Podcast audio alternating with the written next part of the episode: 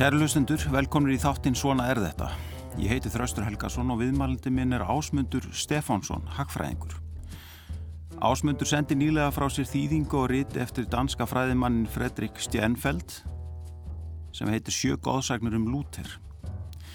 Í ritinu er leitast við að fletta ofan af ímsum góðsögnum um Martin Lúter, upphásmann mótmælandarhefingarinnar innan rómvesk-katholsku kirkjunar sem þróaðist í evangelísku lútersku kirkjuna.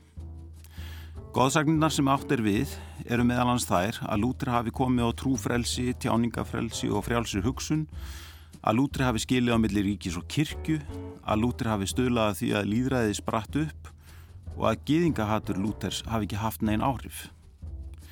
Ég ætla að ræða við ásmund um þetta fornilega rít sem hefur vakið sterk viðbröði í Danmörku og góðsagninnar sem það ræðist gegn En í lok þáttar ætla ég líka að spyrja ásmund stuttlega út í þau verkefni sem blasa við í íslenskum efnaðasmálum nú um stundir.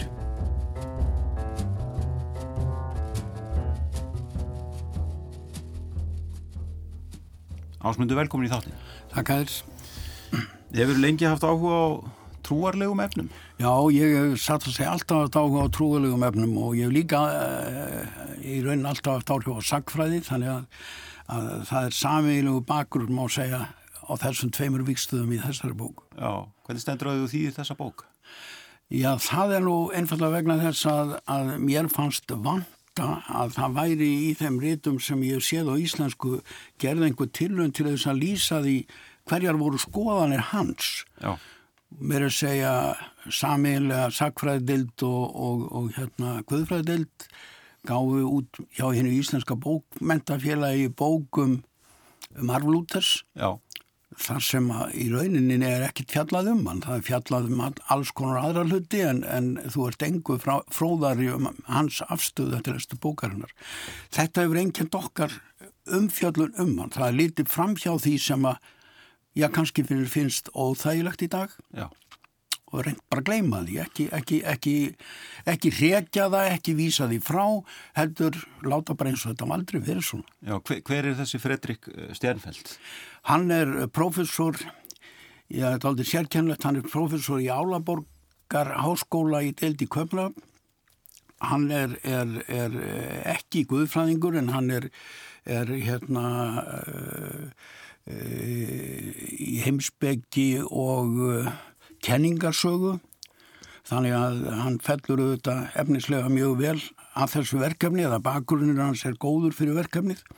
Og uh, bókinni sjálfri notar hann orðu lúters þannig að það er í rauninni mjög erfitt að uh, deila á bókinna öðruvís en að vera þá að deila á lúter. Vegna þess að hann segir í rauninni mjög lítið sem hann getur ekki haft beint eftir lúter. Já, emitt Og bókin vakti talsverðar umræður í Danmarku ekki satt? Hún vakti talsverðar umræður í Danmarku. Kemur út 2017? Já, hún kemur út þegar á 500 ára afmæli þess að, að Lúter neldi eh, sínar tersur á, á kirkjöhurðina. Mm. Þá kemur hún út í Danmarku og hún vald, eh, vakti talsverðar umræður. Það var þó kannski efnislega minna heldur um að hefði, hefði geta búist við.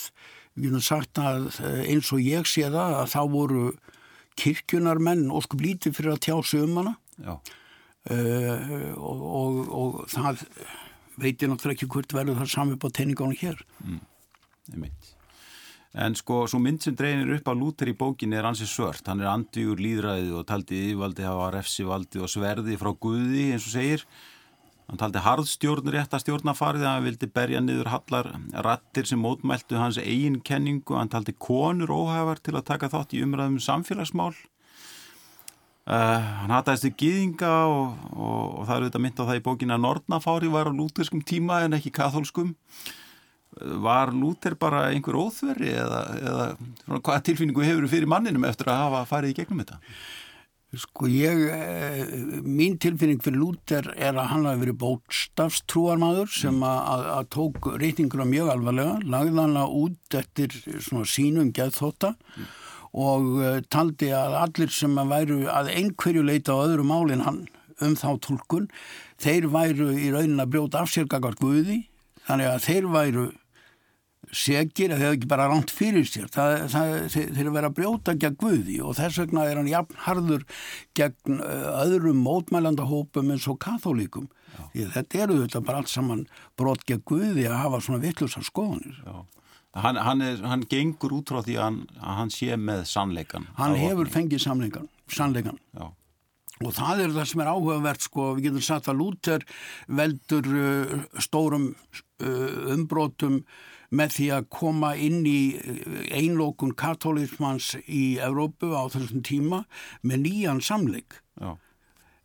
sem getur þá kæft við katólskuna en, en hans sannleikur er ekkert minna uh, algildur heldur en katholski sannleikurinn fyrir, fyrir Páa og hans menn. Já. Þannig að það verður verða átökmiðli tekja sannleika en en leið og það er orðið þannig að þá eru menn farnir að tala um eitthvað mm. og það eru auðvitað mikið framför og síðan maður bætaði við að, að Luther var e, nýttir sér prenttæknina sem á þessum tíma er ný. Mm. Hann hafði samstarf þar við prentara sem líka var mjög hagur málari og teiknari og flugritin streyma frá þeim Já. þannig að, að e, það verður bara allt öru í þessi umræða heldur en nokkur tíman hafði verið áður Einmitt. Sennilega í fyrsta skipti í söguna sem að áróður í stórun stílu stundar með góðum árangri Já.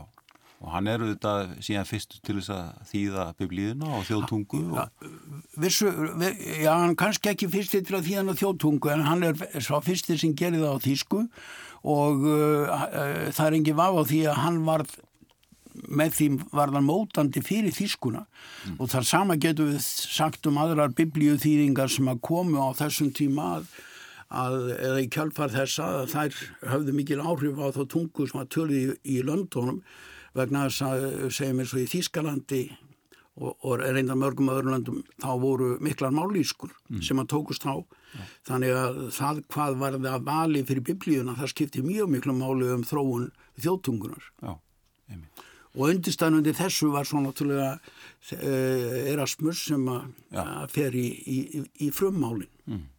einmitt Akkurat, mér langar aðeins, sko, mér langar til þess að við förum bara í gegnum þessar, eða yfir Já. þessar sjö góðsagnir um Lúter sem rítið fjallar um og, og svo fyrsta er að Lúter hafi komið á trúfrelsi, tjáningarfrelsi og frjálsi hugsun en svona eftir því sem að Fredrik Stjernfeldt segir þá, þá var Lúter alls ekki frjálslindur maður Nei, ég held að sé eh, reyna ekkert að deilum það að hann var einstrengingslegu maður, hann var mjög fjarrið því að vera, vera frjálslindur mm. og uh, hann kvartir reyndar sko þegar hann er í, er í sinni upphaflegu uppreist þá hvetur hann fólk til að gera uppreist gegn katolikum og, og, og takast á við þá Já.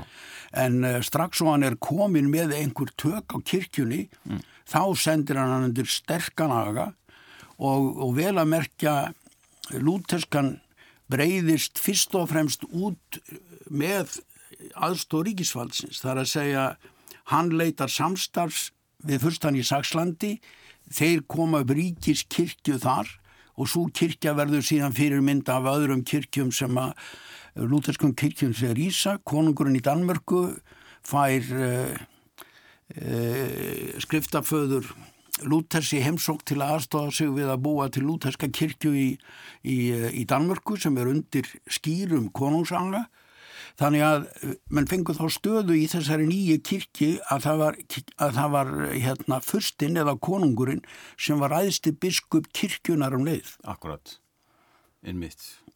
Og, og Lútir taldi Pávan í raun og verið antikrist og, og, og hérna, já, já. og vildi helst brenna þá sem, sem hlýðinustónum ekki. og, og hlýðinuðust páa þar að segja. Já, já og e, eða, eða vildi ekki víkja frá páa á þann hátt sem hugnaðist Lúter hann var sjálfsög ekkert betri gagvart og sérstaklega hérna, endurskýrendur sem kallaður sem að fullor, talsmenn fullorinn skýrnar sem að, sem að urðu fyrir miklum ofsóknum á þessum tíma. Já. En en uh, Já, það, og hann það, talar beinleginis gegn trúfrelsi það er ekki, það er ekki svona... Nei, nei, hann talar alveg skirkjag trúfrelsi það er að segja og, og vantrú reyndar líka sko, það Já. er jafn djöfurlegt að, að afneita bóðskapnum alveg Já. þannig að hann talar bara fyrir sinni skilgreiningu á trú og allt annað er glæbur gegn Guði Einmitt. Þannig að það er ekki bara menn að vera nátt fyrir sér. Nei. Menn er að brjóta af sér gagvar Guði.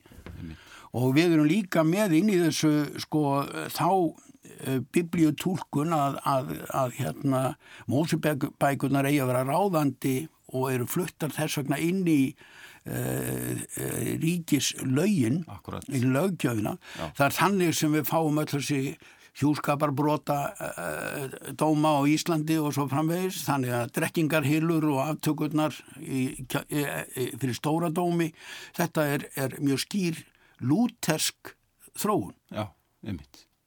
þetta var tekið upp að kröfu lúterskunar Já, og það er líka forðilegt svona í grundvallar svona hugmyndafræði Lúthers að, að, að hann svona, hún er illa við alla röggræður og, og hann er svona hérna, tengdi saman djöfulinn og skynnsimina, það er ekki svona Nei, nei og hann uh, er í rauninni samfærður um að djöflarnir séu út um allt. Hann er mjög trúaður á það, hann trúir á nornirnar, hann trúir að það er jafnvel fljúi á geitum og kúsköftum og hverju sem er og uh, í samfélaginu allstæðar séu átök milli djöfla og engla og svo á, óáran sem yfir mann gengur hvort sem það eru veikindi eða, eða hagli eða þá, þá er eiga djöflar í hlut. akkurat.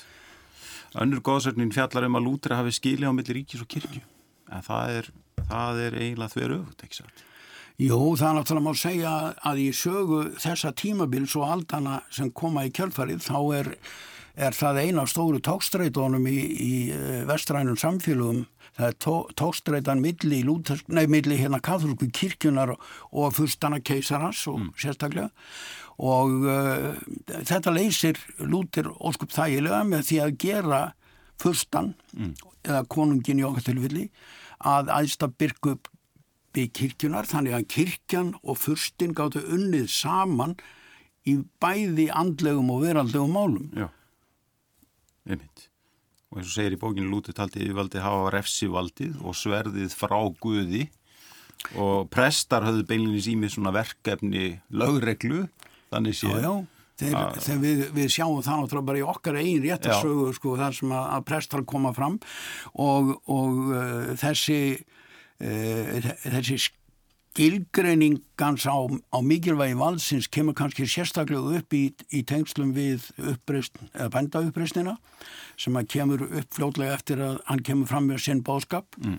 og uh, þar stuttan fyrstana í því að berja bændurna niður. Akkurat. og uh, við erum ekki að tala um einhverja smá lostur, sko, að tala þessi 80 til 100.000 mann sem hafi verið drefnir í, í, í þegar, þegar bændurnir, bændurnir voru barðið niður. Og uh, þar vekur hann bara aðtikla á þeirra einföldu staðreind að það sé betra að fyrstarnir gera þetta, þeir hafi sverðið frá Guði. Og það er vegna þess að hafa stöðu og refsiskildur sem að Guð gaf þeim sverð en ekki afturkunaklút. Já, einmitt og það, og, og, sko, og það verður beinlýnir svo svona kerfisbreyting uh, með síðskiptunum að, að, að kirkjan fer undir vendavæng ríkisins. Hún, hún missir eignu sínar missir sínar. og, og þurfti að reyða sig fjáraslega á, á ríkið og gerir það auðvitað enn. Hún gerir það enn og það er, er svona eitt af því sem að hefur náttúrulega búið að vera að ræða hjá okkur mjög mikið. Mér finnst kannski rétt að skjóta því inn að ég fór að skoða tölur og, og, og fyrirkomlega til dæmis í Danmörku. Mm.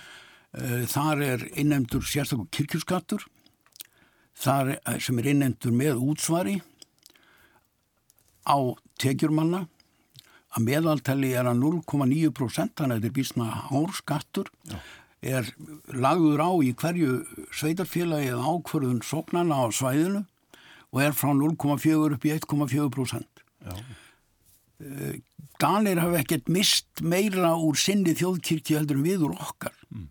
Þannig að þó að menn þar geti sparað sér þetta, eh, þá viljast menn ekkert freka að gera það. Þeir eru með 70% í þjóðkirkjunum, við erum komin niður í rúm 60 og, og eh, ég held að þetta til dæmis sé eitt af því sem að kirkjan ætti að velta fyrir sér, hvort að hún með svona uh, sínu, já nú vil hún skilja sig frá ríkinu en hún vil vera fjárhagslega undir ríkisins vendarvæng uh, hvort hún með því sé ekki að greina sér svolítið líka frá sínum eigin fólki. Mm, akkurat. Einmitt. Þriðja góðsögnin er svo að Lúter hafi stuðlaði því að líðræði spratt upp. Já, það er náttúrulega, eh, það, það er eiginlega óskiljanlega fullering vegna þess að, öll eh, hérna lútersk ríki framan af eru einræðisríki mm. Og uh, Lúter hafði sjálfur uh, fulla andúð á líðræði, sko. það væri bara, þar verið djöflanir margir að taka stáð, þannig að það, það var ekki viti því. Nei og uh, það er reyndar þannig sko að það endur speglast alveg fram á á 20. öldina í mörgum lúterskum hópum að menn sækja mjög í að leysa samfélagsvandamálinn með því að fá sterkan aðilega til að gera það. Menna, uh, í Þýskalandi var virðingin fyrir hinnum sterka eða sannfæringin um að það hitt eitthvað sterkan til að leysa þetta og þurfti að, að eigða svona öllum deilum með því. Hún var mjög sterk og við höfum þetta líka á Norðurlandvöginn tekið eins og Kai Munk sem er nú þekktastur fyrir að þjóðverja drápan. Mm. hann stutti framan af Hitler og, og var í okkar skilgaringu vantala fasisti. Mm -hmm og, og, og Lúter sem sé vildi tukta til almenning til að hann sætti sig Já. við stöðu sína við undirókununa sem sé. Það er, það, það er hugmyndin á bakvið Já, já, mönnum ber, ber skilda til þess og, og það að fara að, að eh, koma ykkur frelsisrög í sambandi við ánauð eða, eða, eða hvað við viljum nefna af, af því tægi, hvort sem er ánauðið við bændur eða beinir þrælar. Mm. þá er það bara miskynningur á hugtakinu frelsi því að það er ekki líkamlegt mm. það er samskipti einstaklingsins við Guð, Já. það er vandlega sviðunum og uh, ef að þræll tekur líkamar sinn frá eigandanum þá er hann að ræna eigandan líkamar sínum, rétt eins og kona sem vil ekki þýðast bóndan sinn hún er að taka frá honum þann líkamar sem hún gaf honum í hjónavíslunni mm -hmm.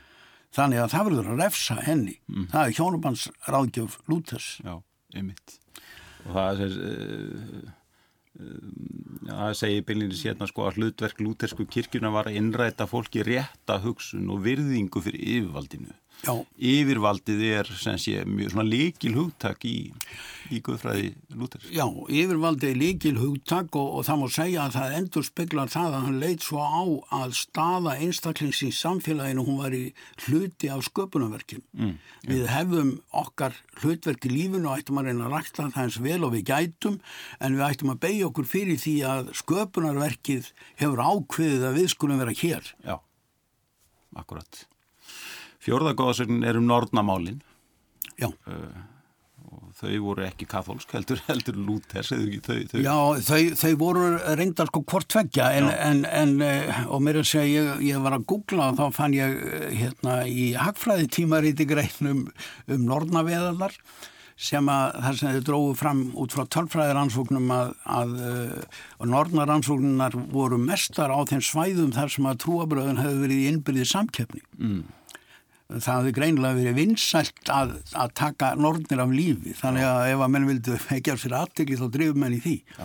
Og, en, en hjá okkur og í Danmörku þá eru nord, er norðnafárið all lútest og sjálfur var Lúter mjög upptekinn af norðnáfsóknum og, og það fellur eins og bentir á í bókinu það fellur vel að, að hlutri konar í Guðfræði Já, hún Hans er einföld og auðtælt Já og hefur ekki uh, sko sömu burði og kallmaðurinn til þess að, að, að meta og skilja og, og, og vera með. Þannig að, að djöfullin sjálfsögðu leita til hennar eða leitar hana uppi því hún er veikar, veiki lekkurinn mm.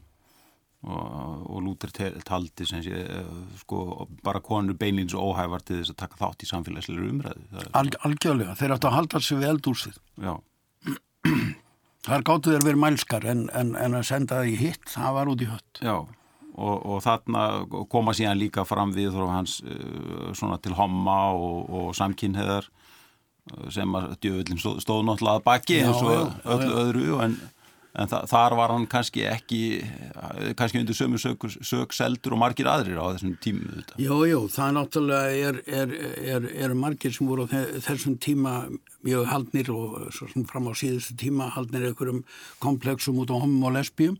En það má segja sko uh, hann telur hann, hann, hann Fridrik Stjernfell að Lúter hafi í rauninni í öllum megin atriðum verið íhaldsamari heldur en samtímin. Mm -hmm.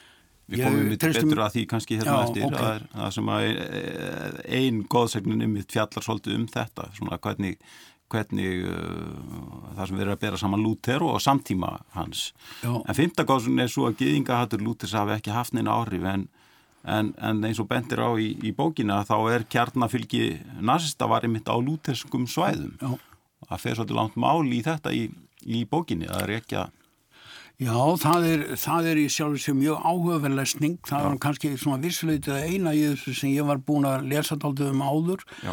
en það eru, uh, hérna, það kom upp í Þýskalandi, uh, já, fyrir aldamóti 1900 eru uh, komnar upp stórar reyfingar hægri e, manna sem, a, ja, sem eiga stöðning með Lúters lang, lang, lang fyrir tíma Hitlers þar sem að menn er að gera þjóðarnið að stóður máli. Mm -hmm. og þá er rauninni ganga skrefnu lengra heldur en það að staðan sé í, í lífinu síl hlutasköpunarverkinu heldur er, er, er gengið svo langt að segja að þjóðarnið er hluti á sköpunarverkinu. Mm -hmm og uh, það fellur svo aftur Ariasmann þegar, þegar, þegar hann lær fram mm. og Lúter hafi verið með beina leiðbeiningar hvernig þetta taka á gýðingum, það ætti að brenna samgönduhúsin og, og rekað á burtu allstaðar mm. þannig að, að hann hafi verið með ímislegt sem að, sem að sjálf, sjálfur sér fjall mjög vel að narsistónum mm. en aðladrið er að þessi þessi hægri augastefna sem er orðin mjög sterk í Þýskalandi e, í byrjun e, 2000. aldar að hún er jarðvegurinn fyrir, fyrir nazista, fyrir Hitler og það er náttúrulega alveg ótrúleg myndin sem er hér í bókinni af því hversu við, nákvæmlega það fer saman að nazistar fái fylgi og að lútest trúa menn séu fleiri heldur en katholikar. Já þetta og það, það er sem sé staðrind að, að, að, að Lúter beinlýnis hann gefur út tvö rít beinlýnis um gýðinga og gýðingdóm og, og hann talar beinlýnis fyrir ofsóknum gegn Já. gýðingum og leggur fram áætlin um það hvernig ég að hvernig ég að berja, berja þá niður, hvernig ég að banna þeim að fara um veginna, eh, ekki leifa þeim að bú í húsum, heldur Mark þá undir hálfþöggi og það, það er bara, eh, það er hillilegu lestur í raun. Já, akkurat. Þannig að lúterskan var sem sé frá, frá þarna upphafi gegn síðan gýðingahatri. Já. Sjötta góðsum er svo að skuggarlega Lúters hafi verið í takti tíðarandana þess að þú varst að nefna á þann. Uh, hann sjálfur hafi ekki verið svo skuggarlegu maður heldur hafi hann verið uppe á vondum tímum. Hann hafi verið bassins tíma. Sko ég held að það sé rétt sem fleiri stjætfælt segir á hverjum einasta tíma hvena sem er, eru mörg sjónamið uppi. Mm. Það getur verið eitthvað sem er svona býrstam mikið ráðandi en það eru samt sem áður er, er fjölbreytni í, í, í skoðunum manna og tímum Lútes var fjöldi fólk sem var frjálslindara heldur en það sem við þekkjum mm. en uh, mér finnst kannski aðladrið ef við erum að, að skoða það svona aftur á bak sko hvað við, hvað við segja um, um Lúter í dag að þá skiptir eiginlega engu máli sko hvort hann var endur spekla tíðaranda eða sjálfan sig. Ef við ætlum að gera það fyrirmynd þá er það sama vandamál þó einhver annar hafi sagt það á þeim tíma sem hann var uppi. Jú, jú. Það, það er jafn fáránlegt sko. þannig að, að það leysir ekki eh, segja, ábyrð okkar á að endur skoða afstöð okkar til, til þess sem Lútið sagði og gerði. Já En hann, hann sem sé, og hann, hann dregur fram mörg dæmi um það að, að það var hefð fyrir, umbur, fyrir umburðarlindi og eh, hérna, ekki töluð allir trúarleituður og hugsuður gegn málfrelsi og hann bendi meðal hans á Erasmus í því sambandi Já, og svo framvegis og framvegis. Þannig að það, það er svona, hann, hann svolítið, grefur svolítið undan þessari, þessari húmið líka. Já, ég held að það sé rétt hjá, hjá Fredrik Sérfeld að, að, að eh, það er mjög erfitt að halda því fram að hafi allir verið að forbókaður úr útir. Þetta sé mjög langsút. Já. Sjönda góðsögnin er svo og svo síðasta er svo svo að, að skuggarlega lútir hafi ekki haft neinn áhrif. Já, sko ég held að, að, að skuggalíðarnar að það er náttúrulega blansa við okkur uh, við fyrir segja það er verið að skrifa bækur í dag um, um hérna drekkingarhild, stóra dóm. Uh, við horfum náttúrulega til Þýrskalands þar sem að, að einræðið og, og geðinga ofsóknirnar sóttu í lúterskan grunn mjög augljóslega mm. og uh, þess vegna er alveg ljósta að lúter skildi eftir hugsunahátt sem að við þurfum að komast út úr og sem að við höfum að mestuleiti komist út úr mm. en við höfum ekki komist út úr honum með uppgjöri við eigin skoðanir heldur með því reynlega að pakka þessu nýri í tösku, leggja hana til hliðar og opna nýja tösku. Mm -hmm. Þannig að, að, að, að eh, það er kannski raugrétt sko að spurja, býtur hún við, sækjum við eitthvað til útars? Mm.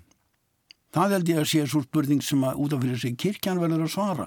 En, en, en allavega það sem kemur fram í þessari bók og er eins og ég sagði áðan, allt saman sótt beint í orðu lúters, það gefur okkur ekki beint tílefni til að segja að það sé fyrirmyndaferðinni. Já, einn ein svona af nýðurstöðum uh, stjænfælt er að svona að, að sko hann bendir á það að það sé ákveðin ráðgata sem að Lúter skilji eftir sig.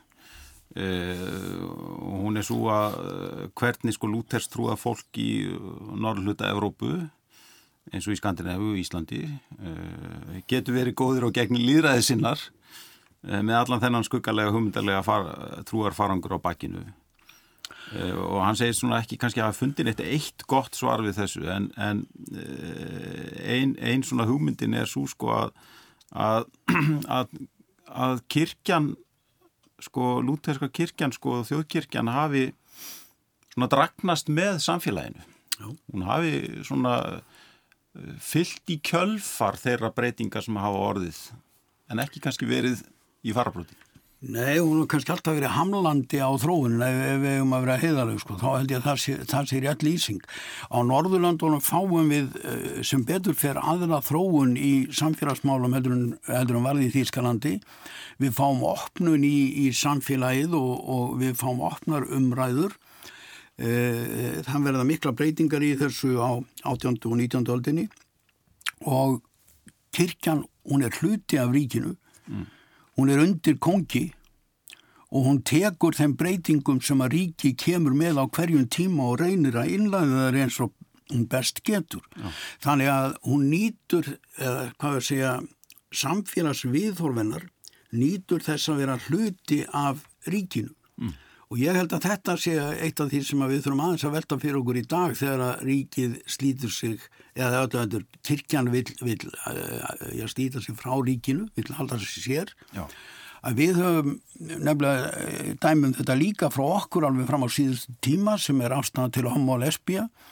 Þar sem að, að ríkisvaldi, þar að segja alþingi og, og, og, og ráðherrar gáðu kirkjunni svona tækifæri til þess að fylgjast með með því að taka málið í, í skrefum í staðis bara afgreða þetta eins og fötur vilja almenningstóð til Já. að þá er verið að taka í skrefum til að kirkjunni vera með og svo enda mér með því að, að uh, uh, það er ekki eftir annað en það spurningin hvort allir prestar séu skuldbundinni til þess að fylgja lögum og, og, og gefa samkynniðu fólki jafnrétti gagast lögunum mm.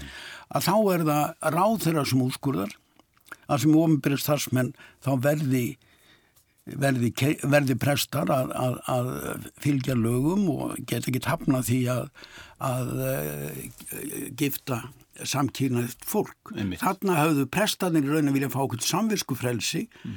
sem að í grundvallaratriðum sínir í mínum huga að það er ákala miklu erfileikar hjá kirkjunum með átt að sjá því hvað mannréttindi eru. Mm. Þau eru ekki svona einhver valkostur, þau eru eða eru ekki. Mm. En sko, maður veldi fyrir sér eftir, eftir að lesa þessa bók sko Uh, skiptir það einhverju máli að lútir átti sínar skuggalegu hliðar? Skiptir það einhverju máli fyrir okkur núna? Skiptir Nei, það einhverju máli fyrir þjóðkirkuna ég held að, að sko með takundir það að, að, að í dag erum við búin að afskrifa þetta að því leiti að það tröflaður okkur ekki mm. Uh, þjóðkirkjan er nokkurn veginn búin að gera það líka mm þá vaknar náttúrulega svolítið skrítin spurning og hún er svo hvort það sé rétt að vera með nafn Lúthers sem nafn, einasta mannsnafni sem fyrirfinnst í stjórnarskráni. Já, ég mitt.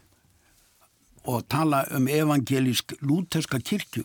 Eh, það, það, það vekur einfallega spurningunum um það hvort að kirkjan þarf ekki að skoða stöður sína og ég ætla ekki að hafa neina skoðun á því. Þessi bók er ekki trúfræðileg eh, umræða í rauninni, hún er, hún er yfirferð á ákveðnum staðröndum um, um sögulútes mm. en ég held að afturhaldssemin hún eh, hún er okkur alltaf hættulega á öllum tímum, hún er það líka í dag og, og við þurfum þess að vera meðvituð um það á hverjum tíma af hverju við gerum það sem við gerum Já uh, Er þú trúaði maður, ásmundur? Ég uh, vil nú eiginlega helst ekki uh, ræða mína trúar hérna, afstöðun eitt í þessu, hún kemur þessu sjálfsveit ekkert við. Ég hef verið trúar gegnum tíðina, Já. ég hef verið verið blendin í þessu og, og, og uh, ég get alveg sagt það að, að afstafa kirkjuna til samkynniðar hefur trubla mig. Já. Þannig að, að uh, mér finnst uh, svona viðbröð kirkjunar jafnvel ennþá gangvar samkynniðum vera með þeim hætti að, að ég get ekki fælt mig við það. Nei. Hefur þessi þýðing á, á þessari bók breytt svona þér og þinni afstöðu uh, með einhverjum hætti? Já, hún er ekki breytt neina trúalegu afstöðu og ég held að, að, að eh, sjálfur sér þeir sem lesa bókina geta gert það rólir gagvar því að, að þeir mun ekkert verða fyrir trúalegu áfelli með að lesa hana. Þar sem þannig rakið er allt saman hlutur sem að menn ættu að vita þó ég sé meðvitað reyndar um það að kirkjuna menn eru kannski almennt séð ekki vel að sér um það. Mm en, en hún sínir okkur nýja hlið á lúter hlið sem að kirkjan hefur lagt til hliðar og í rauninni er að fara fram á að við gleymum. Já, einmitt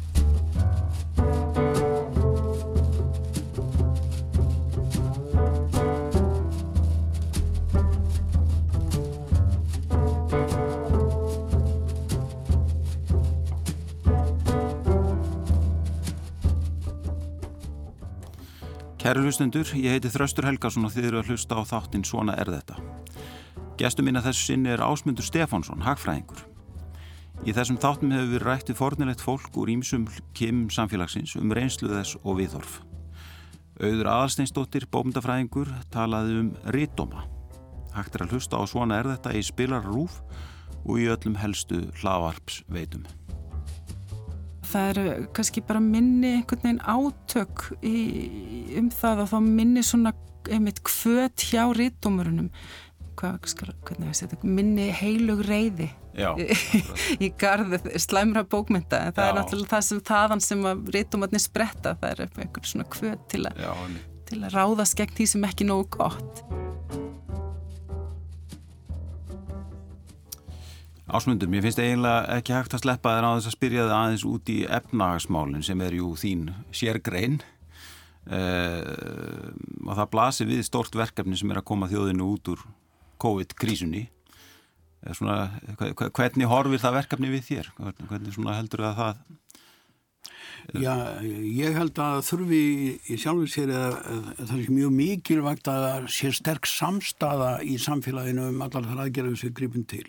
Við getum sagt að frá því að, að þjóðarsáttinu var gerð 1990 að þá tóst hann á breyti í samfélaginu þar sem allir voru með. Ég var með í, í, í því eh, verkefni og, og og uh, það var verkefni sem enginn gætt lest einn og sér. Það varð að tryggja að allir væru með. Og það var það, var það flokna í verkefninu ekki aðferðafræðin í efnarsmálum og ég held að við meðum ekki týna þeirri hugsun. Mm. við, við erum saman í þessu og við þurfum að vinna okkur út úr þessu saman. Mm. það hefur verið satt að segja príðilega þjóðar sátt um COVID aðgerðir. Já. það hefur ekkit vantan eitt upp á það. Og uh, síðan núna þegar við uh, förum já, á fullu aftur þá þurfum við náttúrulega að tryggja stöðuleika þannig að, að, að við missum ekki þá góðu stöðu sem við á mörgleiti höfum. Og mér finnst það eh, sérstaklega svona í kostninga lotu að þá verður alltaf ráðist á allt og alla, við erum ólít, ó, ónýtt hilbriðskerfi, ólít, eh, ónýtt hérna, velferðarkerfi á allum sviðum. Mm. og það er auðvitað ekki rétt, við erum mjög bísna vel búin mm. að mestu leiti þannig að við höfum mikið að verja en við þurfum auðvitað að bæta mm. og það sem að, að, að e, verkefni sem við höfum eru auðvitað að ná hér aftur hafvesti og jáfnframt að tryggja jöfnuð, að tryggja stöðu þeirra sem eiga erfitt í samfélaginu og kannski um leið að tryggja það að þeir sem betur eru meigandi að þeir standi að því að e, borga kostnaðin við það. Mm. En ég held að stóramálið í þessu er hvort við höldum stöðuleikanum eða ekki. Þegar við komum út úr COVID-inu þá er eins og eftir allar kreppur, núna er fullna fyrirtækjum sem, sem að býður við sjá til hvernig reksturinn raunverulega kemur út þegar COVID er frá mm. þannig að, að það verða margir sem spurja sér spurninga um sinn rekstur þegar við komum á beinu bröðina Sko er þetta alvarleg efnaðarsleg kreppa sem við stöndum fram fyrir? Já, þetta er náttúrulega búin að vera eh, nokkuð alvegleg efnaðarsleg kreppa við höfum fengið samtrátt í, í þjóðafræmluslu og það náttúrulega má segja að þar, þar er það hérna, ferðaeinaðinu sem hefur dreyið saman Emi. og uh, við komumst út úr kreppunni þar að segja varandi atvinnustík og stíkt með því að ferðaeinaðinu fara á fætur aftur mm. það gerist út af fyrir sig ekki með átækniðina því fólki sem að misti vinnuna var ekki að vinna við, við hérna, hugbúnaðagerði eða eitthvað því líkt. Mm. Þannig að, að við þurfum almenna uppbygging á samfélaginu til þess að mæta þörfum vinnumarkaðins. Mm. Hvernig fannst þér umræðan um þessi mál svona vera í kostningabaróttunum? Eh, hún var voðalega skrítin. Já. Ég skal bara hjáta það. Mér finnst sömur tala eins og að, að ríkið þarf að skapa atvinnutækifæri og menn standa eins og við hillu og ætla að sækja þar atvinnutækifæri nýður úr hillunni og, og velja sér hvar þau verði. Mm. Veröldin er ekkert svo einföld. Það, er, það þarf að, að, að íta undir undir hagvöxt með, með eh, tröstrið þjónustu hins ofinbera og það er því miður ekki þannig að við getum alveg ákveð hvar það gerist. Það gerist, það, er aðstæður sem ákveð það. Það var ekki íslensk stjórnveld sem byggur ferðamanna, ferðamannasprenginguna til. Mm. Það var skindilegur áhí á landinu. Þannig að, að, að við verðum bara að nota okkur öllu tækifæri sem koma mm. og byggja á þeim. Emit. Það er svona, sko, er ekki líklegt að það verði tekist harkalega á um það hvernig á að skipta byrðunum á næstu mánuðum og missurum? Er það ekki svona, svona hinn eðlilega umræða sem ætti að fara fram núna? Jú, jú, það, það er engin vaf á því, það verður tekist harkalega á, það, á, á um það. Uh, og, og ég get bara ídrekað það sem ég sagði á þann að, að ég hef ég hef alltaf verið fyrir að skoðunar að, að við bætum þjóðfélagið með að auka jafnuðin í samfélaginu.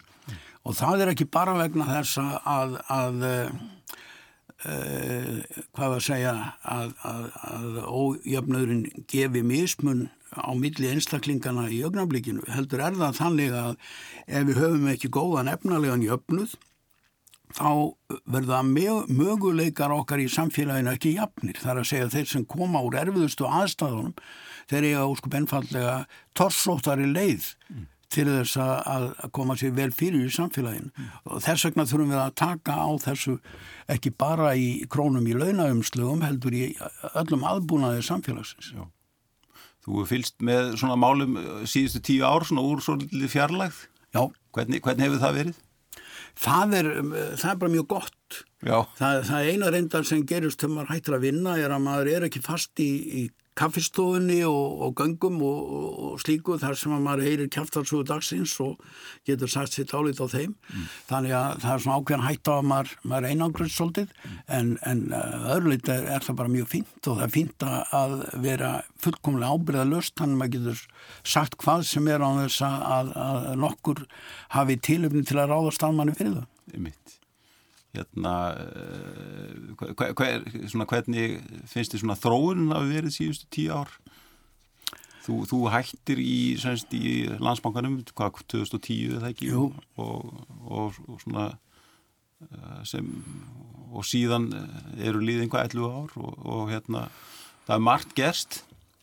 Já, já Það hefur manns gerst og, og ég held að í heldina tekið þá, þá hefur gengið mjög vel. Ég held að maður segja að uh, fjármálakreppan fór alveg hörmulega með okkur og ég náttúrulega fekk það, getur við sagt, í æð því að ég uh, fer inn í landsbankan í kjálfarhundsins og, og er þar í endurhausninni og ég held að á heldina hafa gengið bara bísna vel að vinna okkur út úr þessu mm. og við erum í dag mjög vel stödd. Mm.